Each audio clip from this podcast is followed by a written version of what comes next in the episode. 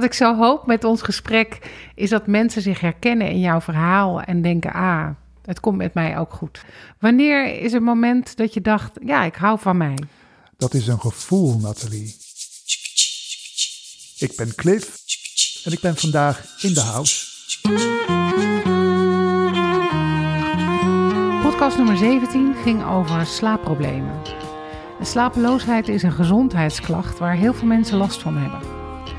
Cliff vertelde hoe hij in de loop van de jaren een betere slaper is geworden en wat hij daarvoor heeft gedaan. En hij eindigde met een tip waarvan ik dacht, nou dit is zo'n open einde, dit vraagt om een vervolg. En dat werd dit inspirerende gesprek. Hey Cliff!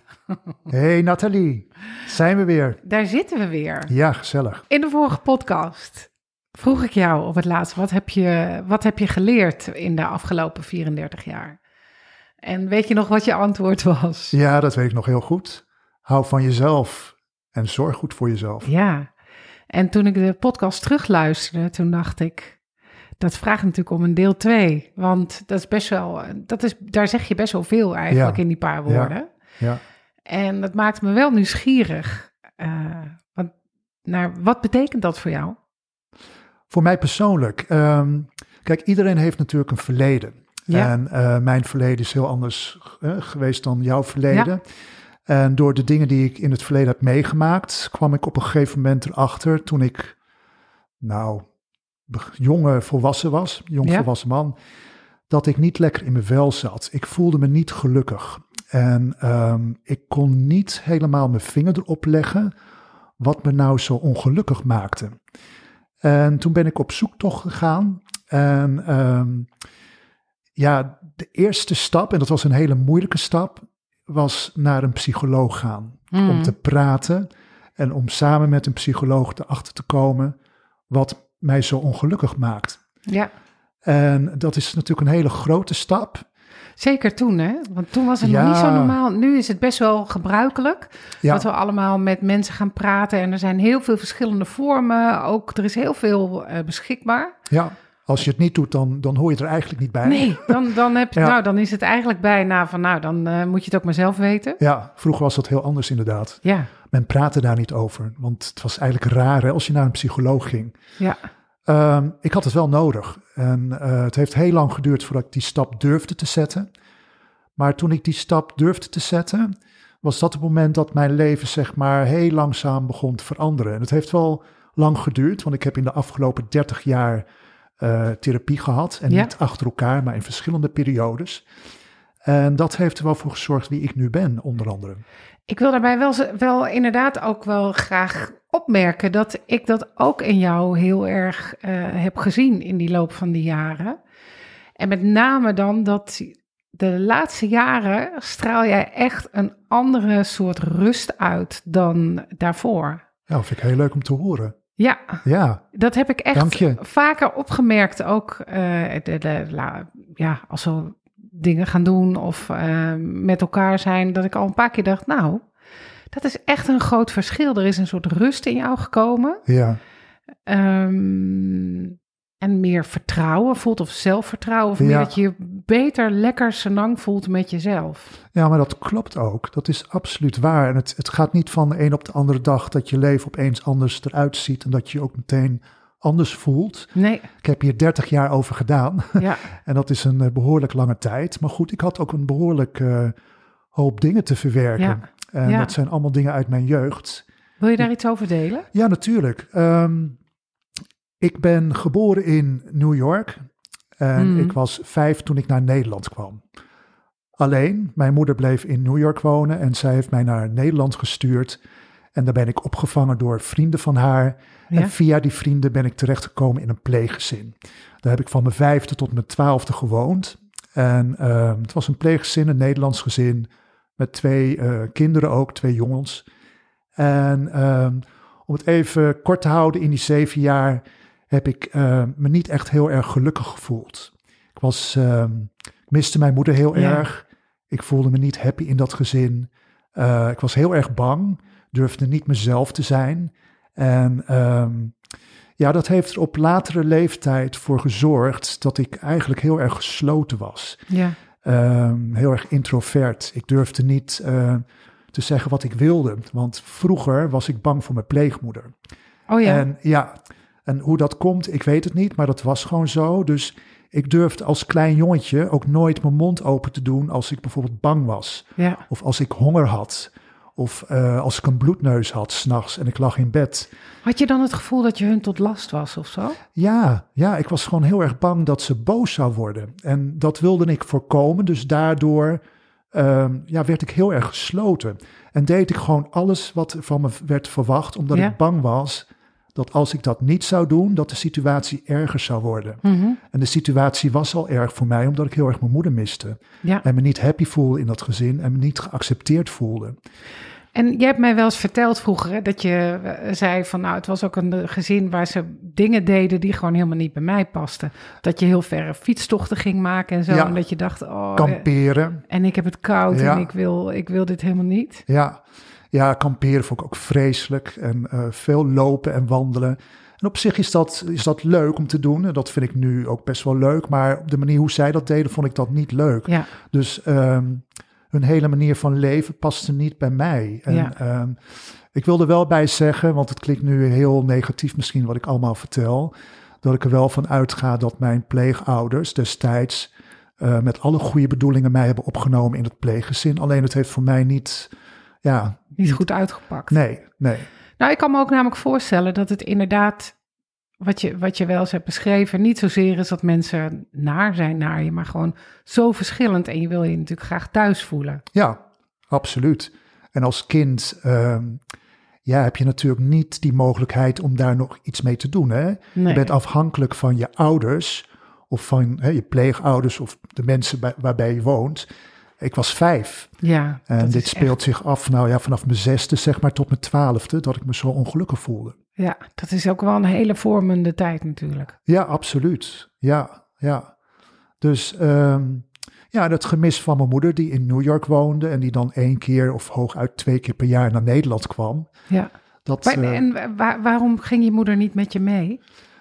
Mijn moeder wilde eh, wel naar Nederland komen, maar die besloot pas later naar Nederland te komen, omdat ze wat geld wilde verdienen. Zij werkte in New York als Ja. verpleegkundige. En ehm, ja, in Amerika moet je werken, anders eh, eh, verdien je geen Ja. geld. Ja. Hè, sociale voorzieningen zijn gewoon een stuk slechter, ook toen. Dus ehm, zij wilde nog eventjes door blijven werken in Amerika. En dan als ze genoeg geld had, dan wilde zij ook overkomen naar Nederland. En begreep jij dat? Ehm, nou, toen ik klein was, voelde ik alleen het gemis.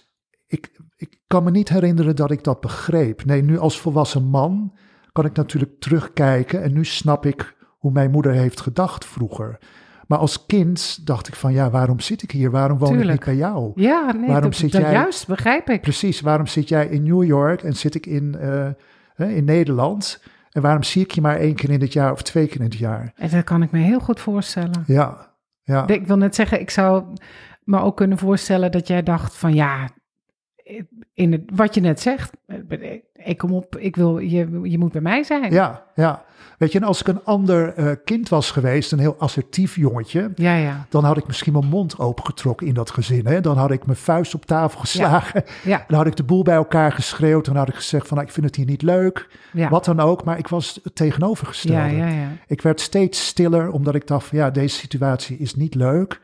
Dus ehm, ik hou mijn mond. Ik doe alles braaf wat mij gevraagd wordt. Dan wordt de situatie niet erger. En dan eh, kan niemand boos op me worden. Ja. Weet je wel, dus ehm, ja, niet goed. Dat heeft ervoor gezorgd toen ik een eh, jonge man werd, dat ik heel onzeker was. Ehm, dat ik mijn grenzen niet kon aangeven. Mhm. Ehm, mensen zeiden wel eens dat ik te lief was. En dat snapte ik vroeger nooit, want ik dacht van, hoe kan je nou te lief zijn? ja, ja. Te lief, hoe beter, hè? Hoe, hoe liever je bent, hoe beter. Maar wat ze ermee bedoelden is dat ik altijd alles deed wat mensen zeiden. Ik zei nooit nee. Ik zei nooit, ik vind dit niet fijn. Ik wil dit niet. Ja. En dat heb ik nu absoluut door de jaren heen geleerd. ja. Om een grens aan te geven, om dingen te doen die ik leuk vind en niet te luisteren naar wat andere mensen zeggen. ja. Dus dat is ook het houden van. Durf voor jezelf op te komen. En eh, ja, vooral die grens aangeven. Ja, Nou klinkt dat allemaal uh, een beetje in een paar woorden zeg je dat, maar wat heb je, wat heb je, kan je een paar voorbeelden geven van, van wat je hebt gedaan om daar te komen? Want ik, ik herken, uh, ik heb een heel andere achtergrond dan jij hebt, maar het leren grenzen aangeven en het leren zeggen van ik vind dit niet fijn, of dat is voor best wel veel mensen een heel uh, een heel gedoe. Hè? Of, of is, ja. voor veel mensen is dat spannend. Ik vond het ook al ik vind, heb dat ook altijd vroeger wel spannend gevonden. En um, dat, daar, dan gaat het wel allemaal een beetje gisten van binnen eigenlijk, zonder dat je het doorhebt. Want net als wat jij zegt, van hoe kan je te lief zijn, dat wat je doet, dat zie je helemaal niet. Toch? Nee, maar als je ouder wordt, en dan kom ik toch wel weer op iets wat ik ook in de vorige podcast heb gezegd. Ja. Als je ouder wordt, dan ga je dingen ook anders zien en ervaren. Hè? Door ervaring ja. word je rijker en je relativeert uh, beter, je gaat dingen anders zien. Dat is denk ik ook een deel wat heel erg meespeelt. Ja. Maar daarnaast is je persoonlijke ontwikkeling ook heel erg belangrijk. Dus dat je aan jezelf durft te werken en uit een vicieuze cirkel durft te komen. Ja. Ik zat vroeger heel erg in een vicieuze cirkel. Ja. En doordat ik ben gaan praten met psychologen en aan mezelf heb gewerkt hè, de afgelopen ja. 30 jaar, is die vicieuze cirkel uh, doorbroken. En ben ik heel langzaam uh, gaan zien van hé, hey, um, dit klopt niet. Ik hou inderdaad niet van mezelf. Ik zorg niet goed voor mezelf. Ja. Ik moet meer naar mezelf luisteren. Wat voel ik? Waar, um, waar word ik verdrietig om? Wat, wat maakt mij zo, uh, zo down? En waarom kan ik mij niet uh, hechten? Waarom ben ik bang om hem te hechten? Omdat ik bang Hmm. ben om weer alleen te la- uh, gelaten te worden. Ja. Hè, wat vroeger ook gebeurde met mijn moeder. Um, door heel veel te praten, um, ga je dat op een gegeven moment wel inzien. Althans, ik. En dat heeft me heel erg geholpen. Ja, en mag ik vragen, dat moment hè, dat je dacht van, oh, ik moet hier ingrijpen. Hoe kwam dat? Zag je dan anderen die dat, die dat ogenschijnlijk wel deden? Die wel hun gevoel volgden? Waarom dacht je dat het aan jou lag? Of hoe kwam je, daar, hoe kwam je daarachter van... Hmm, Nou ja, ook wel door vrienden en mensen om me heen. Hè? Jij weet ook hoe ik mij Ja. vroeger voelde. Ja, ja. En ik ben via jou en je zus Sharon ook een keer uh, bij jou geweest. Dat is ja, jaren geleden. Ja, dat is heel lang geleden. Of toen zijn die bij mij geweest thuis. Toen hebben we tarotkaarten gelegd. Hè? De Ja. ex van Sharon, die, uh, die kon dat. En ik weet nog dat iemand zei, ik weet niet of jij het was. Um, wat er in het verleden is gebeurd, dat is gebeurd. En dat zijn bepaalde gevoelens en herinneringen. Mm -hmm. Maar mijn situatie nu is heel anders dan vroeger. Dus waarom hou je vast aan hè, die Ja. nare ervaring en het gevoel, terwijl je situatie nu heel anders is? Ja, Je bent nu een volwassen man. Je bent niet meer afhankelijk van het pleeggezin. Je kunt je leven leiden. Je kunt je eigen beslissingen Ja. maken. Je hoeft niet meer te luisteren naar je pleegmoeder, bij wijze van spreken, maar je maakt je eigen beslissingen. En je bent een vrij, vrij man. ja, Dat was een eye-opener. En als je steeds van dat soort dingen om je heen hoort, en Ja. ook in combinatie met uh, therapie, mhm. dan brokkelt er elke keer een stukje van die muur af. En dan voel je op een gegeven moment, uh, wanneer er heel veel is afgebrokkeld, van hé, hey, het gaat lekker met mij. Ik durf inderdaad uh, makkelijker nee te zeggen. En het is nog steeds zo dat ik nee zeggen heel erg lastig vind hoor. Ja, ik de ene keer dan gaat het me heel goed af. En de andere keer dan, dan heb ik weer een beetje dat, dat, dat gevoel van oeh, lastig. Ja, Maar um, over het algemeen, ja. Gaat fijn hè? Heel fijn. Ja, had ik nooit verwacht, Nathalie, dat ik zo... Nee? Nee, ik heb echt het gevoel dat ik in de bloei van mijn leven sta. Oh, wat heerlijk hè? Ja, Oh. ja, Ik ja zie dat is echt... je. Ja, en het, het grappige is dat um, de afgelopen zes, zeven jaar... Um, zijn er zoveel dingen gebeurd in mijn leven, zoveel positieve dingen. Ja, Ik heb promotie gemaakt bij de KLM, ik ben purser geworden. ja, Ik heb een huis gekocht. Ik heb mijn huidige vriend Jan leren kennen. ja, Nou ja, wat wil je nog meer? Dus het komt ook allemaal naar me toe. ja, En voor die tijd was ik gewoon met hele andere dingen bezig. ja. Dus dat soort dingen gebeurden niet. En eh, hoe kan je dat verklaren? Um, Hoe, hoe verklaar jij dat voor jou? Nou ja, mensen zeggen wel eens, je, uh, als je niet van jezelf houdt, kun je ook niet van een ander houden. Dus wat betreft mijn huidige relatie, ja, dat, dat klopt helemaal. Want ben heel lang met mezelf bezig geweest om van mezelf te houden. Mhm. En nu ik wel van mezelf hou, staat Jan opeens voor de deur, weet Ja. je wel? Dus dat is, dat is heel bijzonder. Ja. Ehm, ik heb soms ook wel eens het gevoel dat het iets spiritueels is. Ja. Eh, er zijn de afgelopen zes, zeven jaar ook best wel veel dingen geweest, eh, gebeurd. Ik ben eh, op vakantie geweest naar Suriname, het land Ja. waar mijn moeder vandaan komt. Daar liggen jouw roots. Daar liggen mijn roots. En ehm, daar ben ik in hypnose geweest bij een kennis van mijn nicht. Ja. Eh, zij doet ook ehm, allerlei soorten therapie, maar ze heeft ook een gave. Ze Ja. heet Claudia. En eh, ik ben bij haar in hypnose geweest. En dat Mhm. was zo bijzonder, Nathalie. Oh ja? Soms zie je dit soort dingen wel eens in films. En dan denk je van, ja, sure. Heel leuk, maar eh, ik geloof er niks van. Maar ik heb het nu echt meegemaakt. Hmm. Vertel eens hoe dat ging. Wil je dat vertellen? Ja, natuurlijk. ik zat eh, op een avond bij haar op de bank. En eh, dit was dus in Paramaribo. Ja. En buiten was het donker. En je hoorde de krekels op de achtergrond. En je hoorde wat honden blaffen. Ja. En zij vroeg mij om mijn ogen dicht te doen. En waar zat je? Was je buiten of binnen? Ik was binnen bij haar in een kamer. Een soort praktijkkamer. Was je alleen met haar? Ik was met haar en mijn nicht was mee. Mhm. Die zat er ook bij. Die heeft alleen maar gekeken, heeft verder niks gezegd. En ik zat recht op een bank en zij stond achter mij. En ehm, ik moest mijn ogen dicht doen.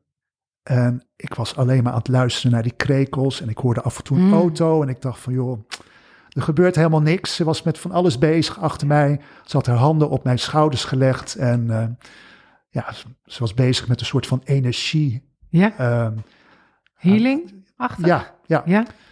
maar goed, het ging een tijdje door en ehm, ik voelde maar niks. Maar op een gegeven moment, toen voelde ik dat mijn hoofd werd beetgepakt met Ja. twee handen. En dat mijn hoofd naar achter werd getrokken, werd heel zwaar. Dat ging heel langzaam. En dat mijn mond werd opengetrokken. Mhm. En ik voelde dat mijn hoofd, mijn kruin, echt wijd open stond. Oké. Dus, en dat er een soort van stroom, een energiestroom naar boven verdween. Een soort van, ja, mijn chakra stond wijd open. Ja. En ik voelde het echt zo naar boven stromen. En eh, achteraf bleek dus, want ik vroeg aan mijn nicht die erbij stond, Ja. van joh, zat ik met mijn hoofd helemaal naar achter? Want ik had echt het gevoel dat mijn hoofd in mijn nek zat. Ze zei van nee, ik zat gewoon rechtop. Bizar, hè? Heel bizar. Maar goed, uiteindelijk zijn er twee entiteiten, twee negatieve entiteiten uit mij verlost. En ik heb dit hele gesprek, de hele sessie van twee uur, ruim twee uur, heb Mhm. ik opgenomen. Ja. Ik heb een paar keer heel erg moeten huilen. Echt dat ik mezelf gewoon niet herken. Ja. Dus er gebeurden hele bijzondere dingen. Het was niet zomaar een hypnose. Ik was ook kletsnat toen ik eh, bijkwam. Oh ja? Ja, was het doorweekt van zweet. Dus het was heel bijzonder om dat mee te maken. En eh, het feit dat zij dus twee negatieve entiteiten uit mij heeft verlost, Ja. geloof het of niet, maar ik voel me sinds die tijd eh, gewoon een stuk beter. Ik, ik weet het, want ik, ik, ik ken je verhaal natuurlijk. En wat ik er wel bij wil zeggen is dat dit is niet iets... Je staat overal open voor, maar je bent niet eh, extreem bezig met paranormale zaken Nee. of energieën. nee, of, helemaal niet. dus dat maakt het wel extra geloofwaardig of bijzonder, omdat het jouzelf ook zo eigenlijk heeft Ja. verrast, toch? Het heeft mij heel erg verrast. Want eh, ik ben altijd zo van, nou ja, eerst zien dan geloven. En wat jij zegt, ja, weet je, ik sta overal heel nuchter in. Ja, En ehm, ben er absoluut niet mee bezig met, eh, met dit soort dingen. Maar ik had zoiets van, nou, we doen het gewoon, baat het niet, dan schaadt het Ja. niet. En het eerste half uur gebeurde er ook niks. Maar toen opeens, nou, het was echt spectaculair. Oh, fantastisch. Ja. Het lijkt me zo geweldig om mee te maken. Ja, Zo, je kan ook, eh, wat ik ook heel graag zou willen doen een keer, misschien kunnen we een keer samen doen, is een ayahuasca-ceremonie. ja, ja. Dat lijkt me zo speciaal. Ik Ja. ken vrienden die dat hebben gedaan, die daar echt eh, heel ehm, hele bijzondere inzichten en ook collega's bijzondere ervaringen mee hebben gehad. ja. Ik kan me daar eigenlijk niet zoveel bij voorstellen hoe, hoe zoiets zo diep eh, kan doorwerken. Het lijkt, ik vind het ook best een beetje spannend ja. dat je een middel neemt waardoor je dat eh, zou ervaren. Maar uh, als, jij zo'n, als jij dit beschrijft, dan denk ik, oh ja, dat is toch wel iets wat Ja. ik, waar ik heel nieuwsgierig naar zou zijn. En hier hoefde ik natuurlijk niks voor in te nemen. Dit, dit Precies. gebeurde gewoon. dat is, Kijk, ik heb met eh, dingen innemen een iets andere ervaring. oh ja, Kan je je nog herinneren van? ja. Ja, ik had, ik had op een feestje, ik was verkleed als vrouw. Ik had dus Oh. een jurkje aan, make-up, pruik op, hoge hakken aan. Ja, En ik had eh, een stuk spacecake gegeten. Wat ik normaal gesproken ook nooit doe. Dat was nou de je moet eerste weten, keer. je, je, drinkt, je drinkt niet eens ik alcohol. drink niet, nee. Dus ik had die dag, had ik, die avond had ik een glaasje witte wijn gedronken en een stukje Nou, nou. spacecake. Dus ik, ik stond op mijn hak in de keuken bij diegene, in, eh, dat was op het feest. En ik denk, het lijkt of ik op een soort van schip sta. Ik voelde het hele keuken zo heen en weer deinen. En op, een gegeven moment knapte er iets in me en toen kreeg ik een onwijze lachaanval. Ja, moest ontzettend lachen. Dat heeft geloof ik vijf minuten geduurd. ja. Dat mensen ook allemaal zoiets hadden, wat gebeurt er nou met Cliff? Ik Ja. Tranen over mijn wangen. en dat sloeg op een gegeven moment om in een soort van angstaanval. En dat was heel Ah. eng. ja. Want toen eh, zijn we op een gegeven moment naar het ziekenhuis gereden. En toen heb ik daar ook echt aan de monitor gelegen. Omdat, eh, ja. Dus dat wil ik absoluut niet nog een keer ervaren nee, als dat ik iets begrijp ik inneem. helemaal. Dus Oh, wat heb ik daar toen om Ja. gelachen. Want Ja. je bent echt... Je drinkt niet. Je doet echt niks wat God verboden heeft. En dan één keer sta je in complete drag en word je afgevoerd. ja, kun je ook voorstellen hoe ik daar aankwam? Het was in het gooi. Ja, om half drie Lange s'nachts. benen in panties. Ja. Ik had een joggingbroek aan van die vriendin. Eh, nou ja, mijn gezicht was dus helemaal opgemaakt. Ja. Nou ja, dat ziet er natuurlijk niet uit. Ja, Pruik af. pruik Is af. toch ook ja, minder leuk? ja, maar goed, dat is een ervaring. eh, ja, dat wil ik niet nog een keer ervaren. Nee, dat snap ik. Het schijnt Ja. ook wel. Ik, ik ben niet zo thuis in, eh, in, in dat soort middelen. Maar het kan ook wel inderdaad wel dingen versterken die onderliggen. Maar het schijnt dat dat met ayahuasca minder is. Oké. Dus nou, nou, als we het ja. gaan doen, kunnen we daar misschien Ja. ook nog een keer een leuke podcast over maken. Of in ieder geval voor onszelf eh, ja, als ervaring. Maar dat is, eh, ik, dat is bijzonder, ja, wat je vertelt, eh, wat je hebt meegemaakt in Suriname. En dat je daar, dat vind ik het meest bijzondere nog, zo blijvend, ja. eh, eh, zo- zo'n opluchting van. Ja. ja, ik wil nog wel één ding vertellen. Want ik geloof wel dat er meer is tussen hemel en aarde. hmm, En toen ik in Suriname was, zeven jaar geleden, gebeurde er nog iets. Ehm, we waren ergens een dagje op stap en er was een, een muur, een betonnen muur. En dit is dus buiten de stad, niet in Paramaribo zelf. mhm. En daar stond mijn naam heel groot op de muur geairbrushed, Cliff. Ja, Nou, dat is een naam die niet veel voorkomt. Maar het mooie hiervan is, het puntje op de i, dat was een hartje. ja, En naast mijn naam stond heel groot het yin-yang teken, ja. geairbrushed. ja, Dus mijn nicht die zegt van, goh Cliff, kijk, wat bijzonder, je naam. ja, Dus ik dacht van, nou, inderdaad heel bijzonder. Dus ik maak een foto, ja, maar ik realiseer me eigenlijk nog helemaal niet wat daar eigenlijk allemaal op die muur stond. Dus s'avonds toen ik eh, thuis kwam, ja, eh, toen was ik die foto's aan het downloaden op mijn iPad en ik zie opeens inderdaad mijn naam, ja, maar ook dat hartje op de Ja. i en een yin-yang teken.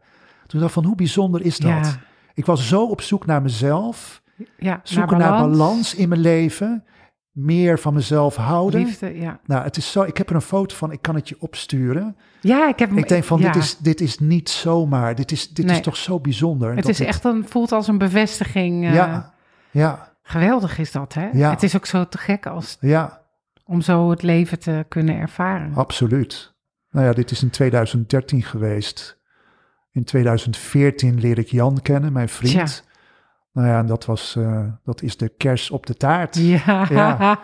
Dus ja. eh, wat is er nou mooier om samen met eh, iemand door het leven te gaan? ja, Dus ja, absoluut, absoluut. ja, Voelt het ook een beetje als dat je wel jarenlang heel veel ehm, aan jezelf hebt, ge- hebt gedacht, aan jezelf hebt gewerkt, zoals je dat noemt. En dat Mhm. dit een extra laatste zet was? Hoe, hoe, Jou en, en, dat, nou, en dat dan je ervaring in Suriname, was dat een. ehm, was dat ook al de kers op de taart? Of de, ja, op zo'n manier. Ehm, ja, dat was toen ook al een kers op de taart, omdat er toen hele bijzondere dingen gebeurden. ja, Maar ik, ik had ook zoiets van, nou, ik wil wel een partner. Dat, natuurlijk, dat heb ik al die jaar daarvoor ook, hè, de afgelopen 30 jaar ook uh, gedacht van, ik wil graag een partner. Ja, ik denk dat ik ook eerst, nou, ik ga binnen, zodra we weer kunnen reizen, wil ik ook naar je ja. nicht. Ik wil ook een partner.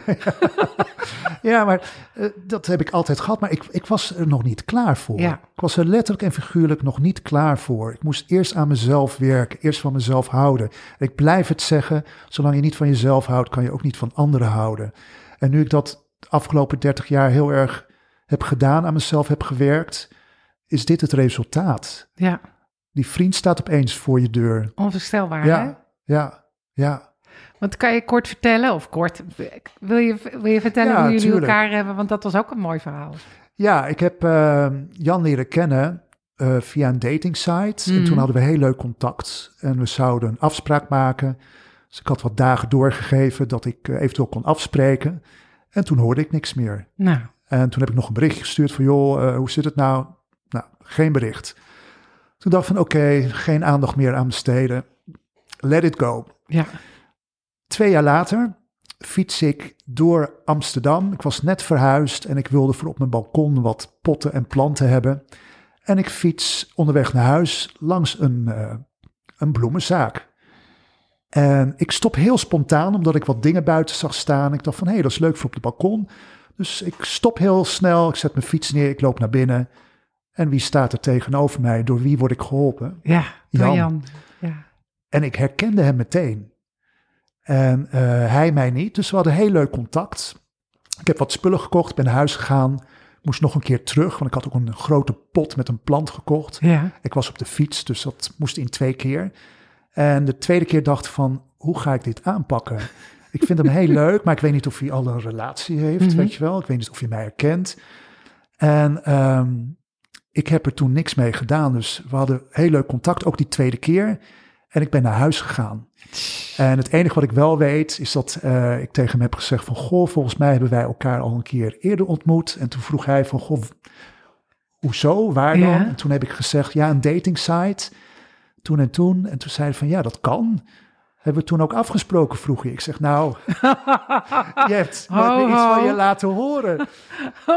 en dat zei oh, ja, dat is niet zo aardig van me. En toen zei hij nog van ja, maar ik sta nog steeds op die dating site. Oh, ja, dat was een soort uitnodiging. Ja, misschien wel. Maar ik ben naar huis gegaan en uh, ja, ik ben niet zo heel erg uh, grote versierder. Hmm. dus dat durfde ik niet uh, om daarop in te gaan. Dus ik ben naar huis gegaan en um, toen heb ik een week later heb ik een profiel weer aangemaakt op die dating site.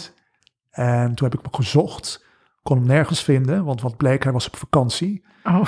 Dus toen had hij hem even zijn profiel uitgezet. Ah, ja. precies. En een week later, toen vond ik hem, toen heb ik me een bericht gestuurd van uh, je plantjes staan mooi op het balkon en je moet ja. een groeten hebben van ze. Ja. En de dag daarna kreeg ik een uh, mail terug dat hij het ontzettend leuk vond dat ik iets uh, van me had laten horen. Ja. Twee dagen later is hij langsgekomen. Hij is nooit meer weggegaan. Ja. Ja. Dus... Uh, en het is ook iemand die sowieso, ik vind hem ook heel erg lief en leuk, maar ook heel erg houdt van reizen. Ja, absoluut. Is iemand die heel erg van reizen houdt, dus dat sluit heel goed aan bij ja. uh, wat ik doe en waar ik ook van hou. Ja, reizen. Ja, ja, ja. Ja, en ik vind ook, jullie hebben echt een fijne relatie. Jullie laten elkaar heel erg zijn uh, in, je, in je waarde, in je ruimte. Ja. Dat is wel bijzonder. Ja. Kijk, we wonen nog niet samen. Mm. We latten, maar dat gaat, uh, gaat heel goed. En hopelijk uh, in de nabije toekomst dat we samen kunnen gaan wonen. Ja. Dus ja. Fijn hoor. Ja, hij maakt me heel gelukkig. Ah. Hij, is heel, hij is heel lief voor me. Oh, ja, wat fijn. Dat is belangrijk. En terecht, ja. Oh, wat fijn. Ja. Versterkt dat ook je gevoel van, van jezelf houden? Ja, absoluut. Ik denk wat ik net zei, het is echt een, de, de, de, de kers op de taart voor mij, hè? Ja. Een relatie. Want ik ben heel lang vrijgezel geweest. Ja. En soms vond ik dat heerlijk, maar ik heb ook periodes gehad dat ik dacht van, nou, wat, wat is dat toch? Weet je wel, waarom lukt dat nou niet? Ja, tuurlijk. Dat ik er ook wel een beetje gefrustreerd van, uh, van werd. En dan hadden mensen om me heen allemaal relaties en ik was altijd de eeuwige vrijgezel. Of dan had ik misschien twee, drie maanden een vriendje en dan hmm. ging het weer uit, weet je wel. Dan liep het... Uh, ja, dan, dan, werd het niks. Um, maar ja, nu uh, ja. bijna zeven jaar. Ja. En um, om samen te vatten, wat, wat, we hebben het daar eens eerder over gehad, want daar ben ik dan nieuwsgierig naar. Want van jezelf houden, hoe zou je dat dan nu, hoe zou je dat omschrijven? Wat is voor jou, we hebben het over grenzen aangeven, over ja en nee durven te zeggen.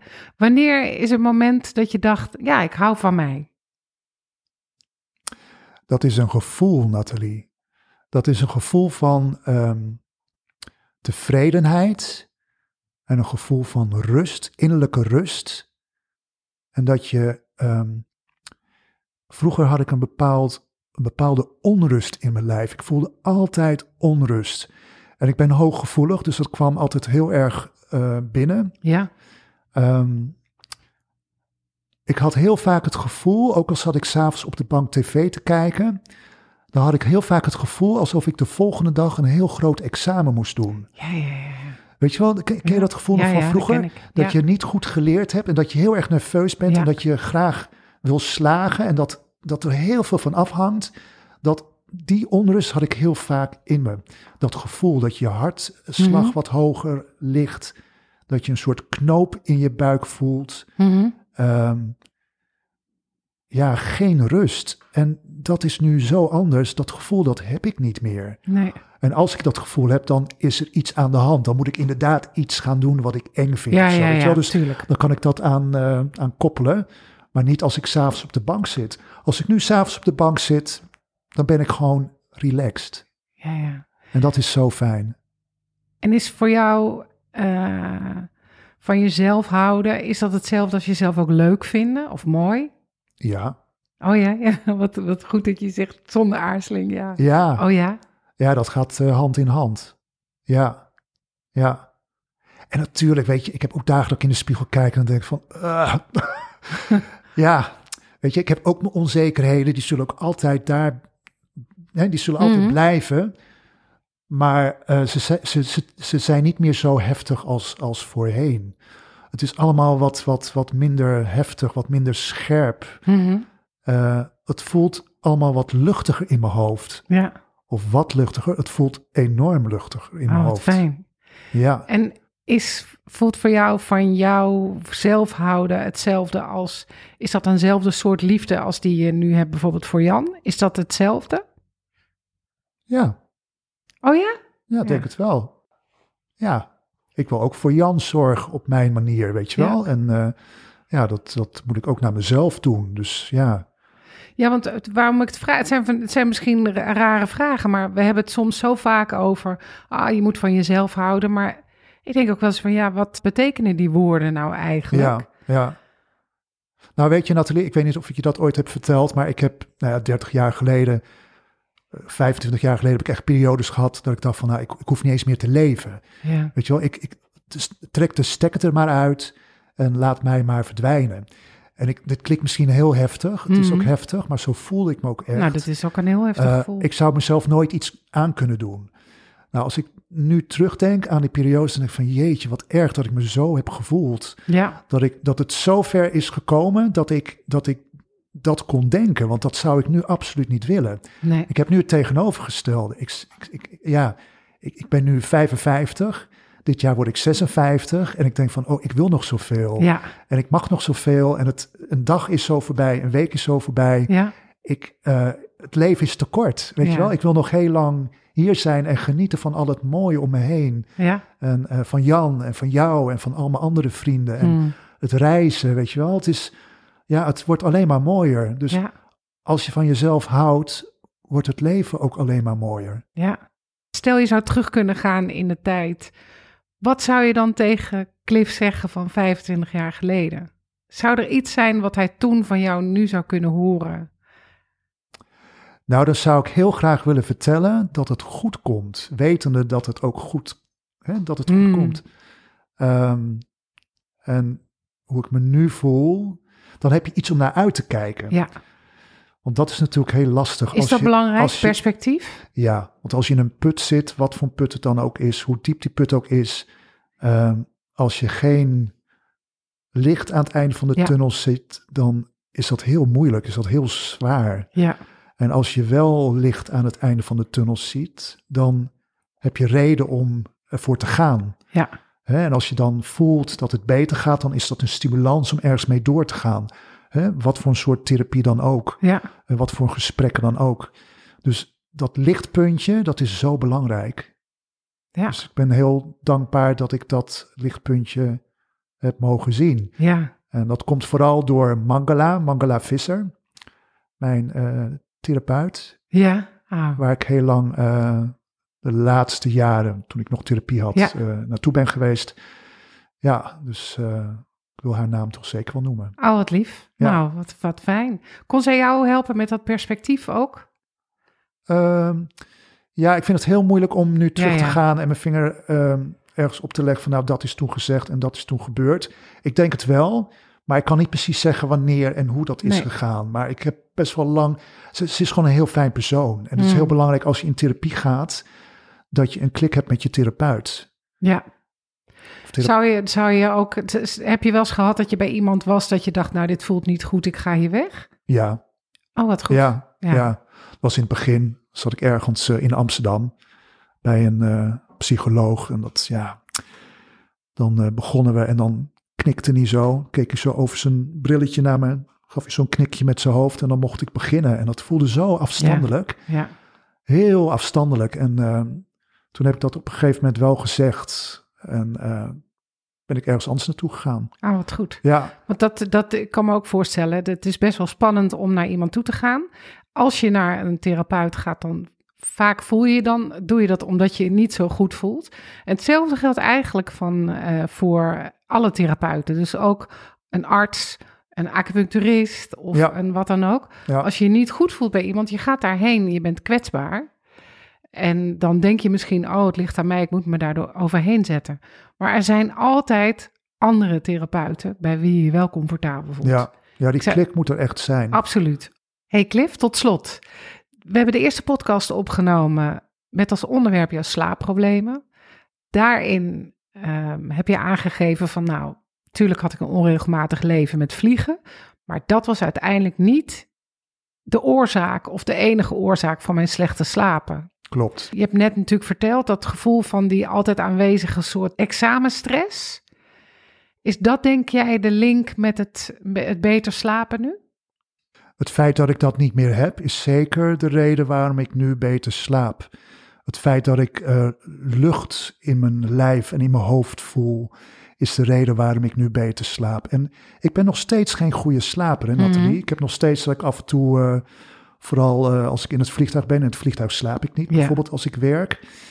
Maar daar leg ik me bij neer. Maar Ja. mijn slapen van nu is stukken beter dan het slapen van, nou ja, 30 jaar geleden. Ja, Ja, omdat ik die, die, die negatieve energie niet meer voel. Die hartkloppingen, die knoop in mijn maag, Ja. weet je dat is, dat is weg. En dat geeft zoveel rust. ja. En ehm, ja, dat is een goede basis om ook beter te slapen. Ja, want slapen is natuurlijk een beetje ook je overgeven. Hè? Je ogen dicht durven doen. Ja, Vertrouwen dat je veilig bent. ja, ja, absoluut. En dat hoeft niet bewust zo te zijn. Maar je bent, dat, wat je beschrijft van dat examengevoel, dat is natuurlijk in een soort van permanente, eh, alerte alarmstaat. ja, Ja, Ja. Dat, is geen, dat is geen situatie waarin Nee. je dan lekker gaat eh, Nee. slapen. dat houdt je heel erg eh, wakker. Ja, Dus ehm, nee, dat is een wereld van verschil. oh wat goed. Ja, Weet je, en dit is zo'n mooi voorbeeld van eh, de disbalans tussen yin en yang. Zoals jouw Tai Chi-symbool al laat zien eh, op die muur in Paramaribo. Jouw geest is zo yang en die wil aan het einde van de dag, naar de nacht toe, wil die gaan verankeren in het yin. Maar als jouw geest nog zo yang, zo hyper is, dan kan die overgang bijna niet gemaakt worden. klinkt heel logisch. Ja, ja. Geweldig dat uw zoektocht ook onder andere naar, naar fijn, je fijn voelen en beter slapen en eh, van jezelf houden, dat dat je zoveel heeft gebracht. Ook in eh, dat dat gewoon zelfs een hele mooie liefde heeft gebracht. Ja, Nog ja, meer buiten Ja. jou, ja. Ja, het is bijna een film, hè? Ja, hè? Ja, met een happy end. Wat ik zo hoop met ons gesprek is dat mensen zich herkennen in jouw verhaal en denken, ah, het komt met mij ook goed. Dat zou ik eh, iedereen eh, wensen. Ja, Ja. dankjewel.